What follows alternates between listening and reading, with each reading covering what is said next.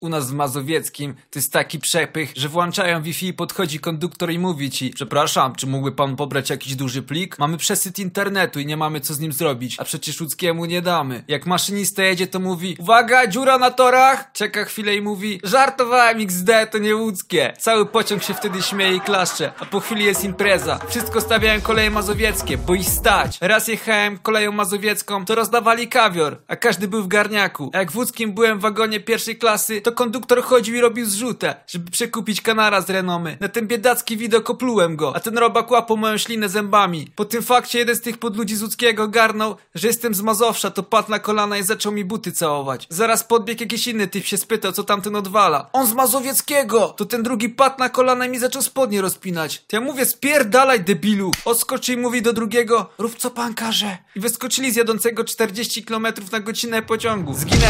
Przyjechała śmieciarka, ale tak podobno podobno jest w tym zwierzyńcu. Nie wiem, wolę się nie zagłębiać w tą dzicz. Byłem taki zażenowany, że wróciłem sobie kolejami mazowieckimi do domu. I przynajmniej nie śmierdział zgniłym kebabem spod siedzenia. Jak wróciłem do domu, to zjadłem jak nigdy całą porcję obiadu, bo mama mówiła, że ja nie jem, a biedne dzieci głodują. No to zjadłem cały, żeby tym biedakom z ludzkiego nic nie zostało.